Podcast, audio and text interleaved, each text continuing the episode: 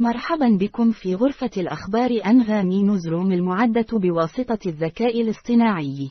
نبدأ نشرتنا الصباحية لهذا اليوم السبت الثالث من فبراير بأبرز الأخبار حول العالم. في عالم الطبيعة، تم اكتشاف نوع جديد من الأشجار القديمة يشبه تلك التي يمكن أن تكون من خيال الدكتور سوس، مما يضيف لمسة من الغموض والإثارة لعالم البيئة. ننتقل الآن إلى الشرق الأوسط، حيث تم استخدام قاذفات بي واحد في الغارات الجوية الأمريكية في العراق وسوريا، حسب ما أفاد مسؤول. وفي سياق متصل، أطلقت الولايات المتحدة غارات في العراق وسوريا في الوقت الذي يتواصل فيه النزاع بين إسرائيل وحماس. ننتقل بكم الآن إلى الإمارات، حيث تشير دراسة حديثة إلى أن الإرهاق والضغوط المالية تعد من بين أكثر المخاوف شيوعًا بين سكان الإمارات.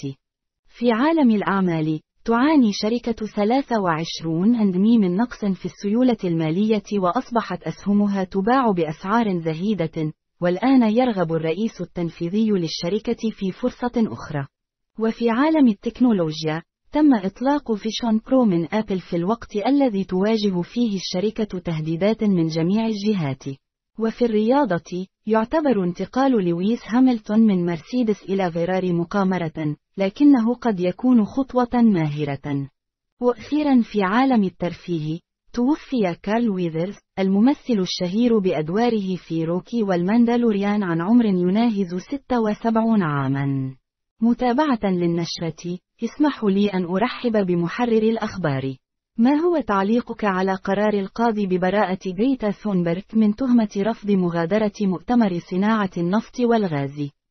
هل تعتقد أنه يعكس موقفا محايدا من القضية أم يدعم قضيتها؟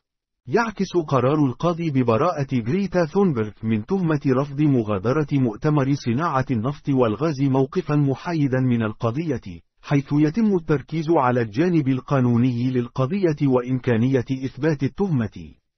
ومع ذلك، قد يؤدي هذا القرار إلى تقوية قضية ثونبرغ وجذب اهتمام أكبر إلى قضية تغير المناخ ودور صناعة النفط والغاز فيها. هذه كانت أبرز الأخبار لهذا الصباح، شكرا لاختياركم أنغامي نزروم، نتمنى لكم يوما سعيدا ونتطلع لمشاركتكم المزيد من الأخبار غدا. ونود أن نشكر دائما المستمعين الأعزاء، ونوصيكم بالاستماع إلى أغنية الشوارع حوادث من كيروكي على أنغامي.